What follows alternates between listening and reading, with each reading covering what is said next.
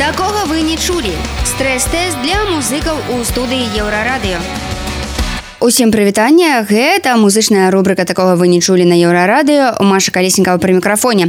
Сёння са мной на сувязі музыка пінхас цынман.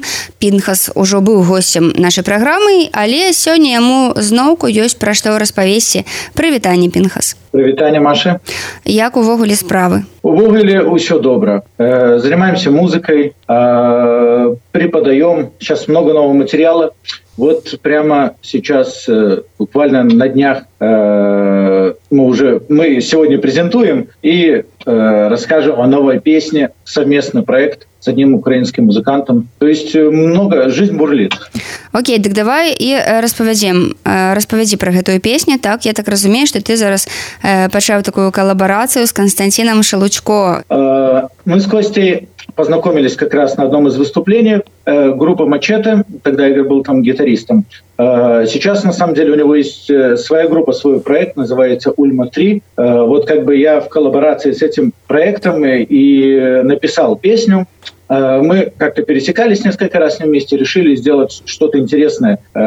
Украина белорусская. Я на самом деле пишу песни на белорусском тоже, но здесь было мне в голову пришла идея написать песню э, как раз о, о том, чего сейчас, может быть, не хватает как раз в Украине и э, той связи людей, которые когда-то жили вместе, жили дружно, а сейчас они говорят друг о друге как э, о врагах. При том, что я вот общаюсь с многими людьми э, с Донецка, я преподаю таким людям, которые, как можно сказать, беженцы донецкие. Я вот увидел эту проблему и попытался ее творчески как-то преподнести, что на самом деле э, суть-то не во всех этих конфликтах. Это чисто внешние люди, какие-то политики, э, те, кто на этом зарабатывает, они раздувают эту проблему. А все же мы люди похожие, и э, основа — это именно э, взаимопонимание и любовь между, ну, между нами.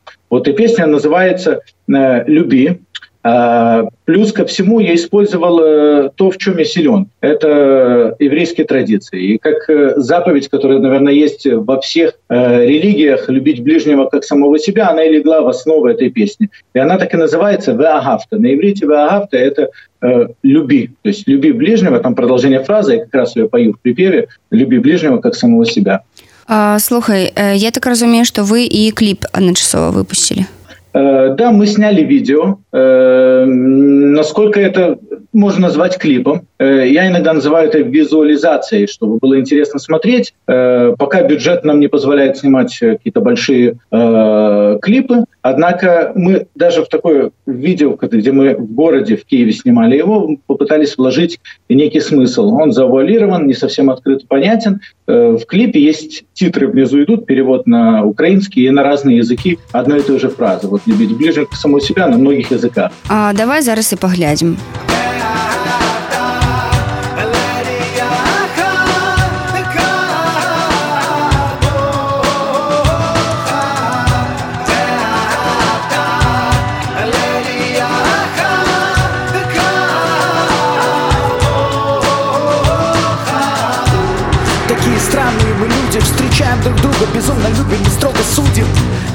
Вчера с кем пили за счастье судим Сегодня ставим с ухмылкой многое на груди. Без оправданий и прелюдий Мы движемся прямо, какой бы путь ни был долг и труден. В тумане чуждых людских иллюзий Свои истории жизни стираем мы по сути. Мы простые зрители телеэкранов. Ложимся поздно, просыпаясь рано Напившись правды из чужих стаканов. Порой ведомо, как стадо баранов Мы выбираем пастухов-тиранов И попадаемся в те же капканы. Нас разбивают на классы и кланы. Но время нам построить свои планы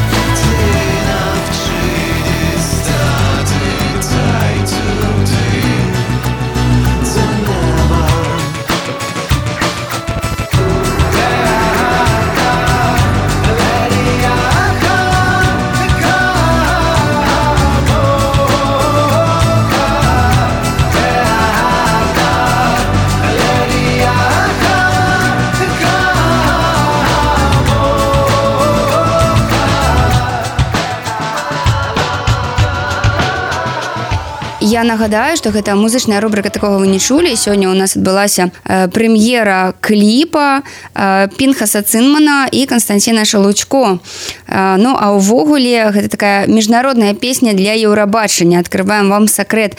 Скажи калі ласка чаму вы решили э, что абавязкова трэба з гэтай песняй падавацца ў наступным годзе ад украины вось на гэты міжнародны і крыху скандальны конкурс? Ну на самом деле идея возникла у кости мы настолько спонтанно начали писать эту песню. На самом деле мы не планировали особенно делать какой-то проект. Мы хотели с Костей выступить. Я ему предложил э, летом на одной из площадок в Киеве выступить вместе. У него не вышло. И он как компенсацию этого э, предложил написать совместную песню. Э, и я буквально к нему приехал домой с несколькими аккордами, которые у меня были на диктофоне записаны, с какой-то мелодикой.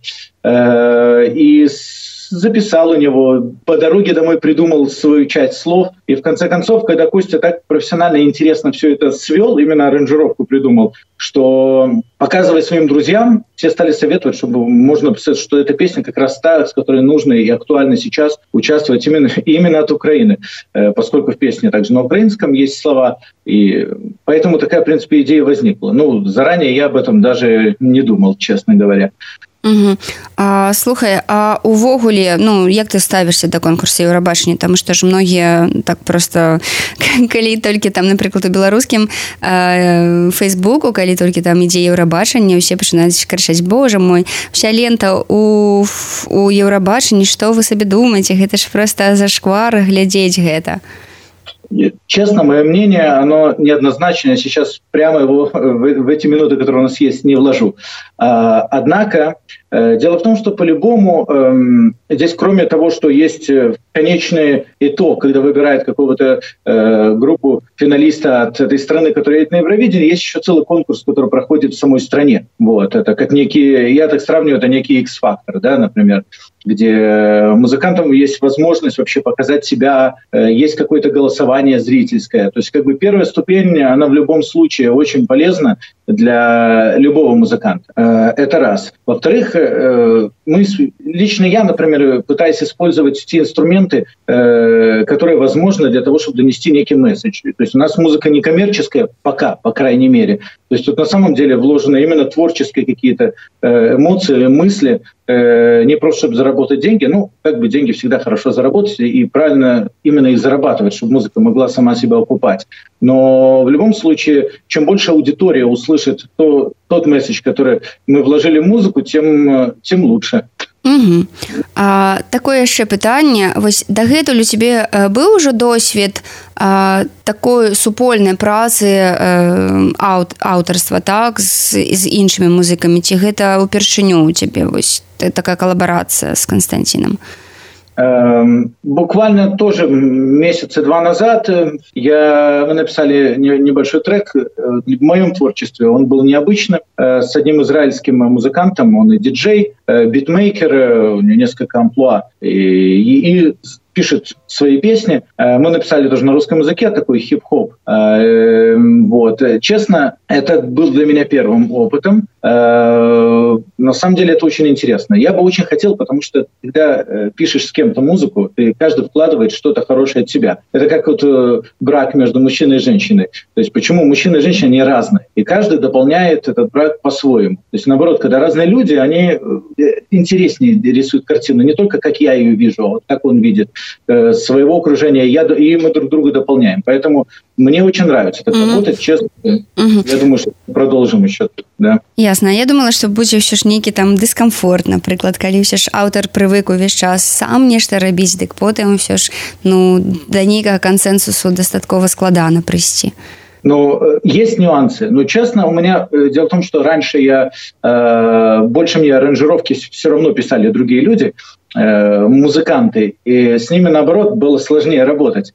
Вот. Э, они как бы пытались вложить свой взгляд в эту аранжировку, и когда ты пытался им что-то объяснить, они как бы более профессиональные, чем ты. И в конце концов, песня, которая моя, она все равно уже изначально она была не совсем так прямо сто процентов, как я ее видел. Здесь же каждый может э, свое мнение высказать, и мы можем прийти к какому-то соглашению, как должен выглядеть трек, как должна э, звучать эта песня. Но у нас с Костей, у нас, слава богу, все получилось. При этом он очень талантливый и очень умеет слушать. Угу. Слухай, ну ты живешь у Киеве. Любы беларускі музыка можа тебе пазайздросіць, таму што ў Киеве э, ўсё ў парадку з шоу-бізам, так у Киеве там выходзіць кожны месяц безліч альбомаў прытым гэта такая добрая па якасці музыка. Вось наколькі тебе комфортна там жывецца менавіта як музыку і э, ці збіраешься ты вось так неяк шчыльна уліцца вось у гэтую плыню там тэйжага шоу-бізу? Да я как бы благодарен всевышнему что так получилось что мы живем в Киеве. С одной стороны меня поскольку я не занимаюсь только музыкой и моя большая часть времени занята Э, преподаванием там, где я сейчас работаю, и э, общением с людьми, и подготовкой уроков. Поэтому мне, на самом деле, честно, не, не совсем хватает времени, чтобы влиться в какую-то музыкальную тусовку, хотя знакомые у меня есть, слава богу, и время от времени мы с ними пересекаемся. Э, я думаю, что вот если бы я больше бы давал времени именно музыке, то, наверное, бы то, что нахождение здесь в Киеве и общение с этими людьми, оно очень мне помогло бы. И я, на самом деле, пропорции как бы пытаюсь изменить, больше заниматься музыкой, но э, у меня, слава богу, не маленькая семья, и э, заработать музыкой как бы достаточно сложно. Вот когда молодой музыкант, он как бы начинает расти, и поэтому он сначала много денег вкладывает в эту музыку, и ему для себя немного нужно, но когда ты на, на данном этапе уже э, имеешь какую-то семью, то смотришь, как прокормить сначала, а потом уже э, заниматься творчеством. Но я все равно, у меня как бы параллельно идет эта линия, что я, если оно пройдет, найдется какой-то продюсер, какая-то команда, которая поддержит, и мы вместе будем производить какой-то интересный для людей продукт, то да, Киев это классная площадка для этого. Слухай здаецца некалькі гадоў таму вось на украінскім голасе перамог праваслаўны святар.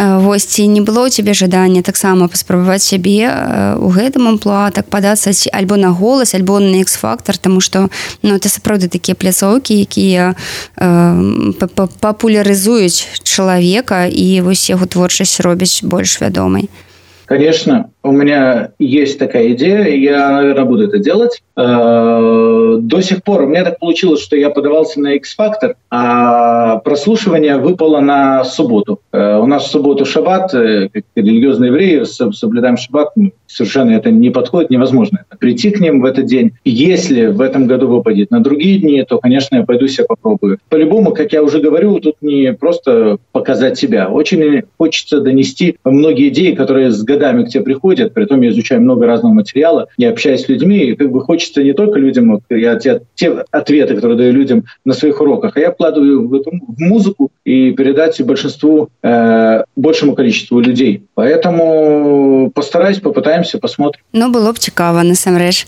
Тым больш, што ну, такія прэзідэнты таксама ёсць, я ведаю там і каталіцкія монахіні удзельнічаюць там у італьянскіх шоу-голас і там просто ўсе крэсла разварушваюць.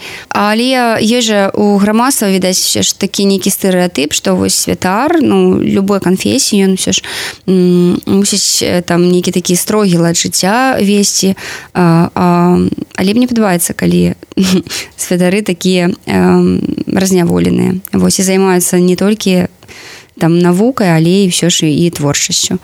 Конечно. Так на самом деле есть стереотип. У людей, в принципе, это как-то с детства нас воспитывают какие-то определенные стереотипы какой-то, да, на самом деле, э, будем, я буду, буду говорить про себя, что какой-то раввин, он ходит с книжкой э, в черно-белой одежде, но это на самом деле как бы часть людей так и ведут себя. Но многие э, соблюдающие евреи, они находятся во всех областях э, э, так сказать, бизнеса, искусства. Есть художники, музыканты, есть люди, которые занимаются большим бизнесом и в корпорациях. Они соблюдающие евреи, но даже иногда снаружи и не скажешь. При том еще надо понимать, что есть раввин как должность, человек, который э, работает в общине, в синагоге, он ведет эту общину и преподает, э, то, может быть, он более строго да, выглядит, и у него он ограничен в каких-то определенных вещах но соблюдающий еврей любой может заниматься. Ну, есть какие-то, конечно, рамки скромности. Именно вот как бы вот рамки скромности и соблюдения э, дней, с, праздничных дней, когда, например, тот же шаббат нельзя нам выступать. В принципе, вот это тоже, кстати, один из вопросов, с которым э, сталкивались э, музыканты еврейские, которые пытались выступать на светских площадках, но что как бы это то, с чем мы живем, и я не думаю, что это ограничение, а наоборот, это некая ступень, когда человек держит, э, проявляет э, свою точку зрения и не поддается как раз под окружающих, под мнение окружающих. А это очень важно, кстати, в музыке, потому что которая, в конце концов, может превратиться в то, что мы называем попса, да, коммерческий чистый продукт. Э, вот. Поэтому это классно. Я думаю, что я попытаюсь, лично я, э, могу сказать про себя. Надеюсь, что получится. Что ж, дзякуй вялікі.